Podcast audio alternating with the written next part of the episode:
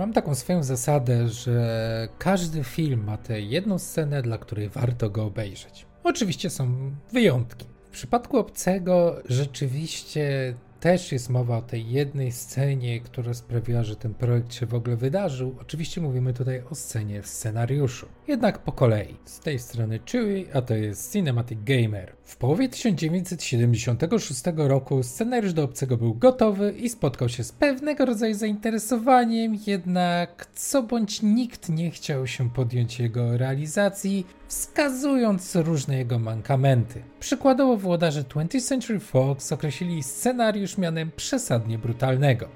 We got pretty close to deals in a couple of time, but a couple of times, but they fell through well essentially because the people on the other end were um, demanding too much. You know, they were trying to screw us. Jedną z niewielu ofert, jakie wpłynęły, była oferta z New World Pictures, czyli stajni Rogera Cormana. Niestety studio nie było skłonne wyłożyć całej kwoty 750 tysięcy dolarów, której chcieli twórcy, tylko jej część w wysokości 100 tysięcy dolarów. Niespodziewanie panowie spotkali na swojej drodze sama Hagarda, który miał dojścia do wytwórni Brandywine Productions, będącej joint venture 20th Century Fox. Podpisali oni trójstronną umowę, na mocy której, jeżeli film dojdzie do skutku, Haggard zostanie nazwany współproducentem, dostanie wynagrodzenie o wysokości 15 tysięcy dolarów, a także 2% od zysków. Mężczyzna pojechał do studia Brandywine, podszedł do otwartego okna w biurze, gdzie siedzieli David Giller i Walter Hill. Temu drugiemu podał on scenariusz i powiedział, chcę, żebyś to przeczytał. And uh, and uh, he read it. W jednym z wywiadów Walter Hill przyznał, że nie potraktował scenariusza na poważnie. Uznał go za prymitywny i nie zasługujący nawet na określenie kina klasy B. Jednak jak sam zaznacza, dla niego fana filmu The Thing z 1951 roku, znanego pod tytułem jako Istota z innego świata, Większość widzów kojarzy jednak bardziej znany remake w reżyserii Johna Carpentera z 1982 roku. Hill stwierdził, co cytuję, ten scenariusz trochę mi przypominał The Thing, tyle że w bardzo nieociosanej wersji. Po zapoznaniu się z tekstem, Walter Hill przekazał scenariusz swojemu współpracownikowi, którym był David Giller, aby i ten go przeczytał. Miał mu powiedzieć, przekazując skrypt, że jest on okropny, ale ma jedną fantastyczną scenę. And he he uh, said, "Well, I'm maybe out of my mind." He said, "I think this." He says, "But uh, I mean, the script is terrible, but it has one great scene in it. And read it and tell me what you think." Na tym etapie warto zaznaczyć, że żaden z panów, jak również przyszły reżyser filmu, czyli Ridley Scott, nie byli fanami science fiction i niezbyt szanowali twórców tego kina. Wyjątkiem był rzecz jasna Stanley Kubrick. Według opowieści Waltera Hilla, któregoś wieczora zadzwonił do niego David Giller ze stwierdzeniem, że czyta on scenariusz obcego i jest to okropne. Na pytanie, czy dotarł już do tej sceny, ten miał mu powiedzieć tak, tak, skacze mu prosto na twarz. Hill kazał czytać mu dalej. Ponoć kilka minut później telefon znowu zadzwonił. Był to podekscytowany David Giller, mówiący, że wie już o co chodzi i że ta scena jest genialna. I read it and I thought it was absolutely terrible. And, and I called him up and I said, "What? You are nuts! This is crazy. Would you come to the big scene?" I said, "Yeah." The thing jumps out and it's on his face. He said, "That's not it." I said, "Look, I'm already on page 90." I said, "He said, keep reading."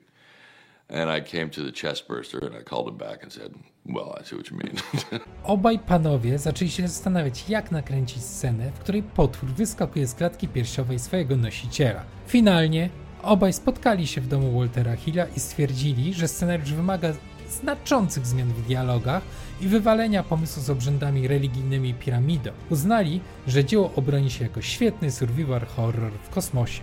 Umowa została podpisana. Na jej mocy Obanon i Shusett pozostali współscenarzystami, a Obanon również został reżyserem efektów specjalnych. Walter Hill zajął się przepisaniem scenariusza, na którego później poprawki naniósł jeszcze Alex Jacobs, który miał na koncie m.in. zbiega z Alcatraz. Kolejną kwestią było dopracowanie postaci. Jako, że studio 20th Century Fox zaczął mocniej inwestować w filmy z postaćmi kobiecymi, panowie postanowili przepisać jedną z nich. Przygotowali pewien zwrot akcji w scenariuszu, gdzie uczynili jedyną postać, która przeżyje, kobietą. W ten sposób zastępca kapitana Martin Robbie zmienił płeć i stał się Ellen Ripley. Dodano jeszcze jedną postać kobiecą, zmieniono imiona bohaterów, nazwę statku oraz kompletnie wyrzucono część o piramidzie. Dodatkowo skorzystano z dobrodziej Stanleya Kubricka i jego 2001 Odyseja Kosmiczna, a mianowicie dodano komputer pokładowy nazwany Matką, który w pewnym momencie staje po stronie potwora, stając się drugim czarnym charakterem filmu. Postacią, która miała zginąć jako pierwsza miał być Dallas, czyli dowódca. Twórcy uznali, że będzie to zaskakujące przełamanie schematu, gdzie wszyscy spodziewaliby się, że dotrwa on do końca i będzie głównym protagonistą. W kolejnych aktach Ripley miała zniszczyć komputer matkę, a następnie fabuła miała już iść zgodnie z założeniami scenariusza Obanona. Tak przygotowany scenariusz Walter Hill postanowił przedstawić w 20th Century Fox. Film ewoluował z taniego kina nawet nie klasy B do pełnoprawnej, wysokobudżetowej produkcji. Szefowie studia nie byli zainteresowani projektem. Mieli już na etapie postprodukcji wysokobudżetowy film science fiction, co do którego przewidywali klapę finansową. Według doniesień nikt z wierchuszki studia nie wierzył, że Gwiezdne Wojny w reżyserii George'a Lucasa będą sukcesem, więc nie chcieli oni inwestować w kolejne sci-fi. Podejście włodarzy do tego typu kina zaczęło się zmieniać, gdy sam Steven Spielberg zaczął chwalić to, co zobaczył z wizji Lucasa. Co ciekawe, Dan O'Bannon został zaangażowany do efektów specjalnych w Gwiezdnych Wojnach. Wszystkie ujęcia animacji komputerowych na ekranach to jego dzieło. Obcy powrócił pod dyskusję włodarzy 20th Century Fox za sprawą Alana Lada. They brought it to me. I thought it was interesting. A nice horror picture in outer space. I mean, what could sound better? And uh, they then completely rewrote the script from top to bottom. który uznał, że widzi w tym coś z Hitchcocka w kosmosie. Pomogło również to, że protagonistką była kobieta. Finalnie studio podjęło decyzję, że poczekają na to, jak przyjmą się Gwiezdne Wojny. Jeśli będzie to hit, dadzą zielone światło na produkcję obcego z Walterem Hillem jako reżyserem, oczywiście po wprowadzeniu pewnych poprawek. W międzyczasie rozpoczęto bardzo wstępny proces preprodukcji. Zlecono przygotowanie budżetu oraz wykonanie pierwszych szkiców koncepcyjnych ekipie Spinewood Studios w Wielkiej Brytanii. Tak, mowa o tym samym studio, w którym kręcony jest Bond. Czemu akurat tam? Studio chciało skorzystać z tak zwanego podatku IDIEGO, który pozwalał uzyskać dofinansowanie na produkcję, jeżeli minimum 5, 85% zdjęć było kręcone właśnie w Wielkiej Brytanii oraz większość ekipy musieli również stanowić lokalni pracownicy. Po przedpremierowym tajnym pokazie Gwiezdnych Wojen studio wiedziało, że ma hit i zdecydowali się podpisać umowę na rozpoczęcie pierwszych prac do filmu o obcym. Nadal jednak czekano na wyniki box office filmu Lucasa, by dać finalne zielone światło na rozpoczęcie produkcji. Obanon zaczął kompletować ekipę do rozrysowania projektów. Udało mu się zwerbować Rona Coba, jednak bardzo mu zależało na podjęciu pracy z Hansem Rudolfem Geigerem. Problemem byli jednak producenci, którzy uważali jego pracę za chore, perwersyjne i odpychające. Udało mu się jednak zatrudnić do pracy Chrisa Fossa, z którym pracował przy Dune. Jednak nie potrafił odpuścić sobie Szwajcara i wiercił dziurę w brzuchu włodarzom.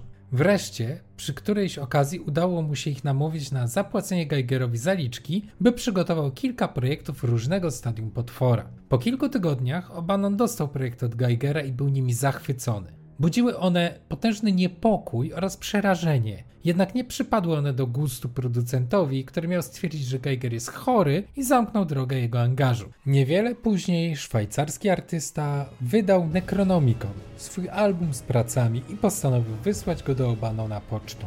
Równocześnie reżyser i producent projektu Walter Hill zaczął rozmowę w sprawie obsady. W roli Ripley widział m.in. Candice Bergen czy Jane Fonda, obie odmówiły. W roli kapitana statku Dallasa próbował zatrudnić Tommy Lee Jonesa, który również odmówił.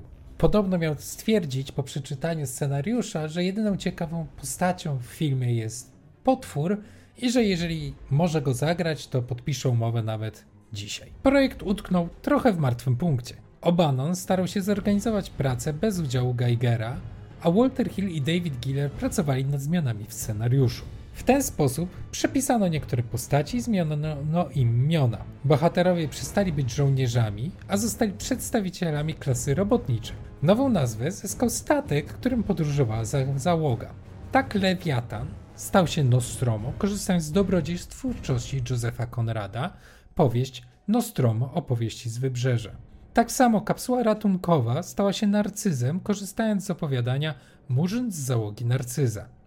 Obie książki zawierały fragmenty, które prasowały do fabuły filmu. Dodatkowo obaj panowie dodali twist fabularny, który niezbyt przypadł do gustu Obanonowi.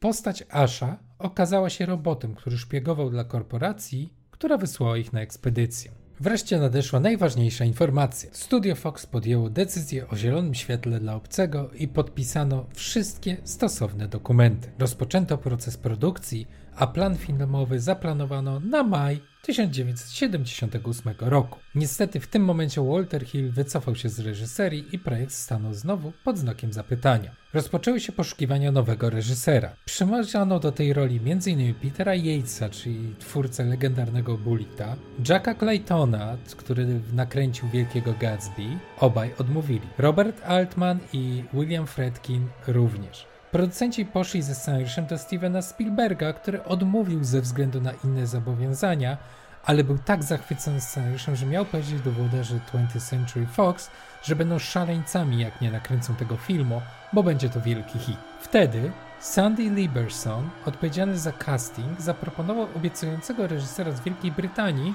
który był legendą reklamówek oraz telewizji, a zarazem był po swoim debiucie reżyserskim w pełnym metrażu, za który zbierał świetne recenzje i nagrody. Tym człowiekiem był Ridley Scott. Ale o tym w kolejnym odcinku. To był Chewie i Cinematic Gamer. Do następnego.